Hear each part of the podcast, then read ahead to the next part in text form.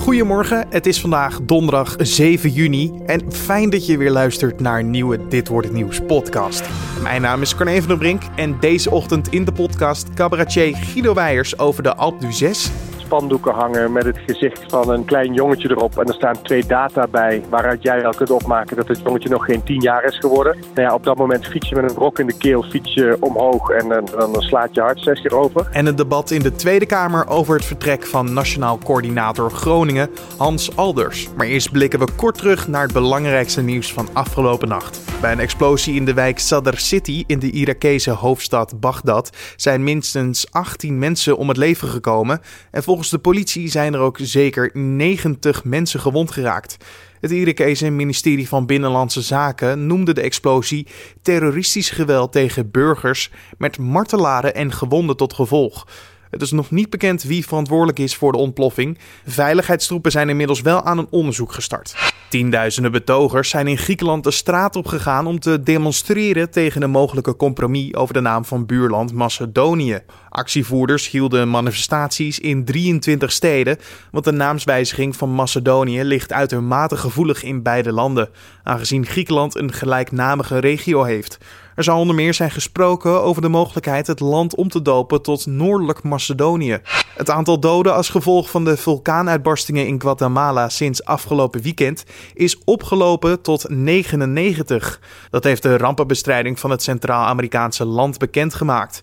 De meeste zijn omgekomen door de lavastromen die na de uitbarsting langs de vulkaan stroomden. Enkele zijn gestikt door de rook en as. Volgens de rampenbestrijdingdienst was de eruptie van zondag de heftigste uitbraak van de laatste vier decennia. En dan kijken we naar de dag van vandaag, oftewel, dit wordt het nieuws. De coalitiepartijen vragen zich af waarom Nationaal Coördinator Groningen, Hans Alders, juist nu zijn functie heeft opgezegd. Op een moment dat er grote besluiten zijn genomen. Zo gaat de gaswinning naar nul. Deze donderdag vindt er een debat in de Tweede Kamer plaats. En Julien Dom blikt alvast vooruit met onze politiek verslaggever Edo van der Groot.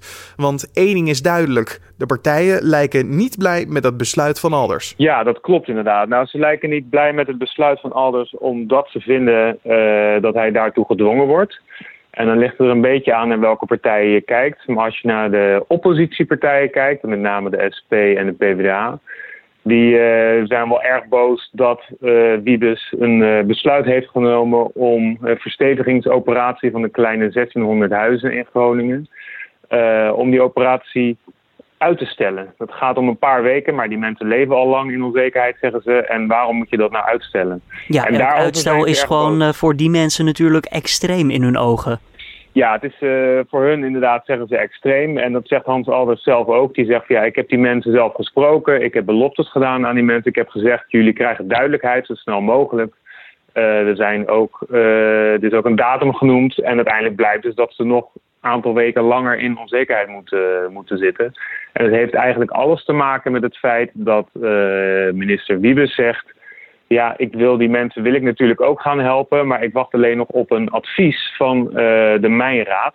En dat advies uh, wordt nu aangepast omdat de situatie anders is. De gaswinning gaat namelijk naar nul. En dat is de reden waarom die die hersteloperatie heeft uitgesteld. Ja, dus hij komt niet zozeer terug op zijn woorden, maar hij, ja, de, de situatie is veranderd, zegt hij. Precies. En ja, de crux zit hem een beetje in het feit uh, dat de ene partij uh, zegt van ja, luister, wij, wij vinden uh, dat het, ja, het risico op aardbeving is er nog steeds, ook als, het, als de gaswinning naar nul gaat. Dus waarom moet je opnieuw wachten op, op, nieuwe, ja, op zo'n nieuwe verstevigingsoperatie? maar anderzijds uh, zeggen je, ja, ik wil het gewoon in één keer goed doen. Het, het, is nu eenmaal anders, dus het kan best zijn dat het advies voor die versteviging uh, ja, dat dat er nu gewoon anders uitziet in deze andere werkelijkheid waar we nu, uh, waar we nu in leven. Heeft het vertrek van uh, Alders nog een gevolg voor Wiebes verder? Nou, je hoort vanuit de oppositie weer natuurlijk dat de, de, regio zelf, hè, want Hans Alders was natuurlijk een man die vooral overlegde tussen, de, tussen de verschillende overheden, dus het Rijk in Den Haag, de provincie Groningen en verschillende gemeenten in het bevingsgebied. Uh, dus hij was echt een beetje het oliemannetje die tussen die verschillende bestuurslagen uh, ja, probeerde de boel een beetje eh, bij elkaar te houden, als het ware.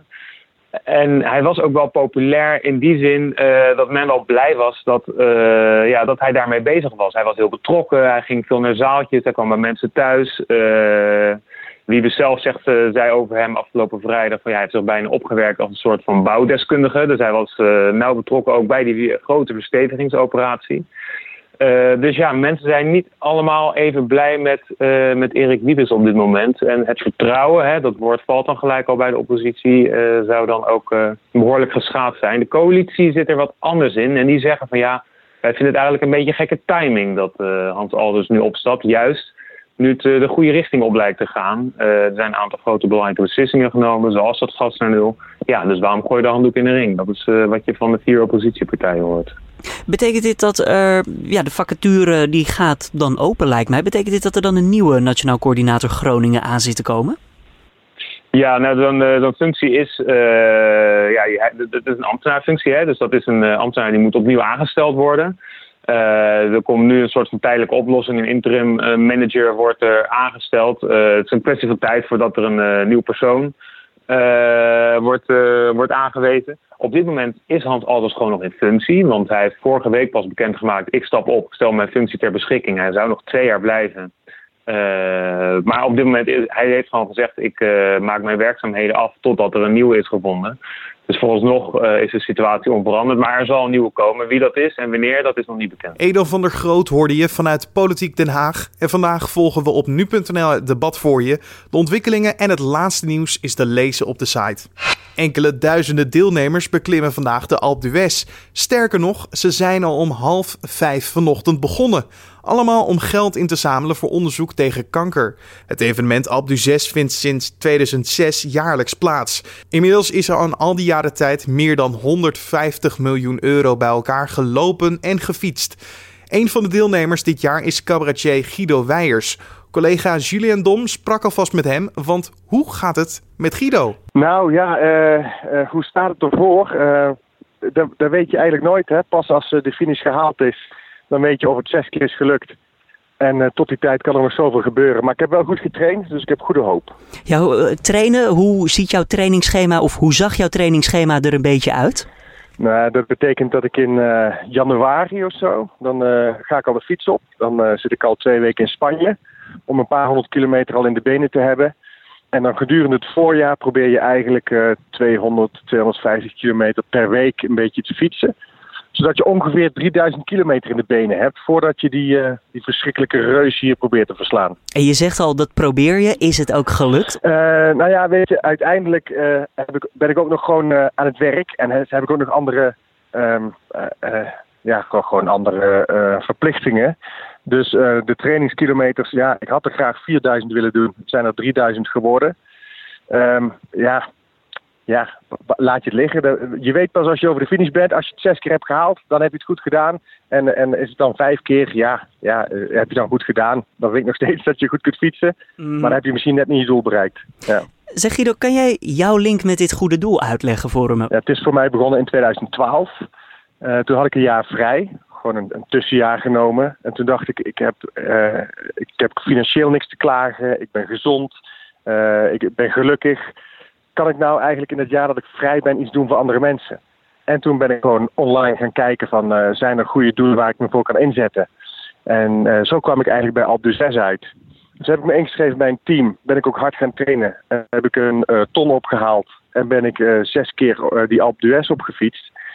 En ja, toen heb ik ook op die berg gezien hoeveel er nog te winnen is. Want er zijn nog steeds zoveel mensen die overlijden aan kanker. En zoveel mensen die met die ziekte te maken krijgen. Uh, dat ik eigenlijk de jaren daarop gewoon um, ja, een beetje verslaafd ben geraakt aan, aan het hele evenement. En ik ben daar ook gewoon mijn hart verloren aan, uh, ja, aan heel Alpe 6 eigenlijk. Heb je er vrienden leren kennen? Ik heb daar zeker vrienden leren kennen. Ja, het is, uh, als je hier op de berg staat, het is moeilijk om aan mensen uit te leggen die hier niet zijn op dit moment. Om uit te leggen hoe groot de saamhorigheid hier is. Want er zijn hier tienduizenden Nederlanders. Het is het grootste goede doelen evenement van Nederland. Uh, waarvan er ongeveer, uh, ik geloof, 4.000 of 5.000 mensen fietsen dan ook daadwerkelijk of lopen de berg op. En uh, het maakt eigenlijk helemaal niet uit hoe vaak je fietst of hoe hard je loopt. Of als je maar een, een, beetje geld meeneemt en allemaal iets bijdraagt aan het goede doel. Eh, dus iedereen hier is boven op de berg is vrienden. Ja, dat, neem je zeker mee naar huis. Je leert heel veel mensen kennen en je leert van iedereen ook meteen de verhalen en waarom ze hier zijn. En dat is best wel intens. Ja, intens, daar zeg je het eigenlijk al. Het is een ontzettend zwaar onderwerp. Uh, maar vanuit ja, je beroep ben je natuurlijk cabaretier. Uh, je maakt grappen. Kan jij de bol dan ook een beetje luchtig houden daar? Ook voor de mensen die daar misschien uh, ja, die dat nodig hebben. Allereerst wil ik wel zeggen, ik ben hier niet als cabaretier. Ik ben hier gewoon als mens om iets te doen voor mijn medemens. Zeg maar. dus, maar ik word wel vaak herkend. En doordat ik vaak, ehm, doordat mensen mij al vaak op tv gezien hebben hebben ze wel het idee dat ze mij al een beetje kennen. Dus het gesprek, ze, ze storten al wel vaak meteen hun hart uit bij mij of zo. Wat ik ook helemaal uh, prima vind en fijn, want daarmee uh, ja, een luisterend oor bieden voor mensen is vaak al heel wat.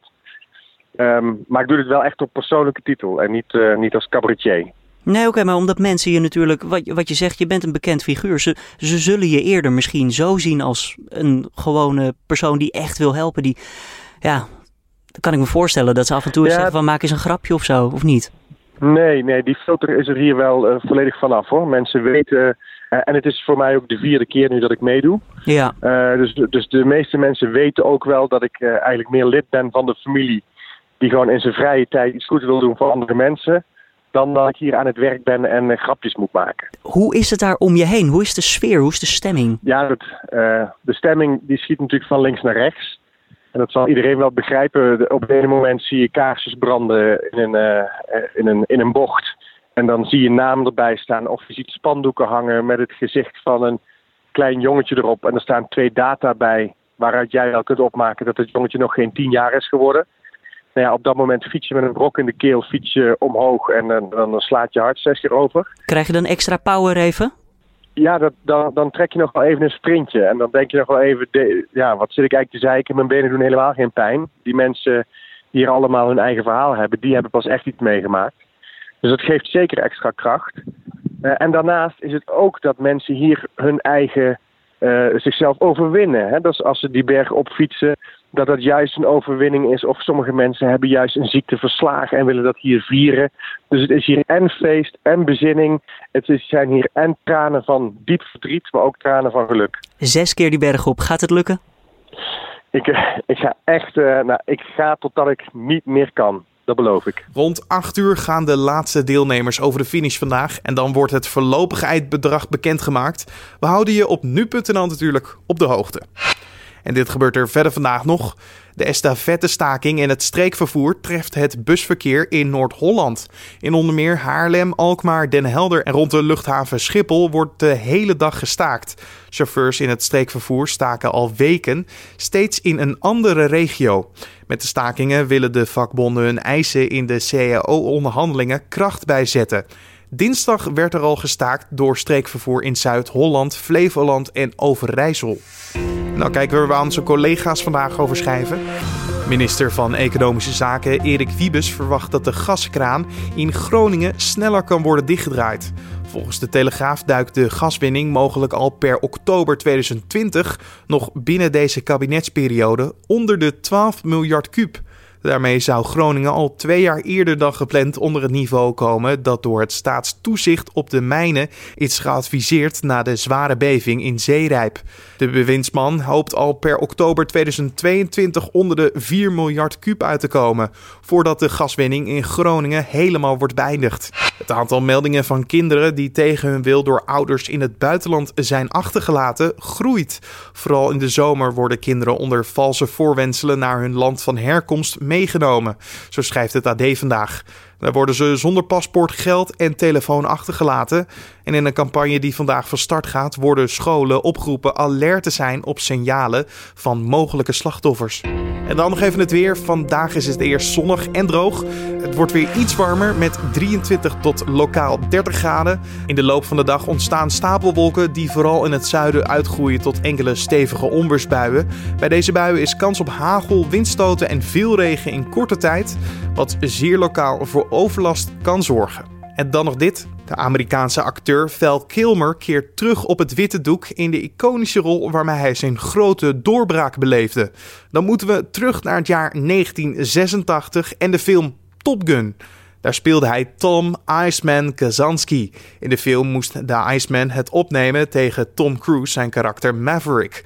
En het draaide allemaal om de strijd voor de Top Gun titel, oftewel de beste jachtvlieger van de Amerikaanse marine.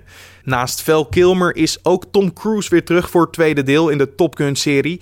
De film heet Top Gun Maverick en de release datum staat nu op 12 juli 2019. En dat is dus 33 jaar na het origineel. Mooi excuus om de geweldige titelsong nog eens een keer te draaien.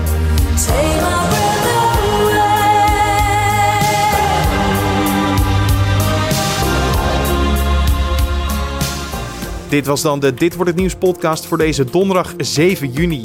Je vindt de Dit wordt het nieuws podcast natuurlijk elke maandag tot en met vrijdag om 6 uur ochtends op nu.nl via je desbetreffende podcast app zoals iTunes of natuurlijk ook Spotify. Vind je dit nou een bijzonder fijne podcast? Laat het ons weten via een mailtje naar redactie.nu.nl of natuurlijk via een recensie op iTunes. Ik wens je voor nu een mooie dag en natuurlijk tot morgen.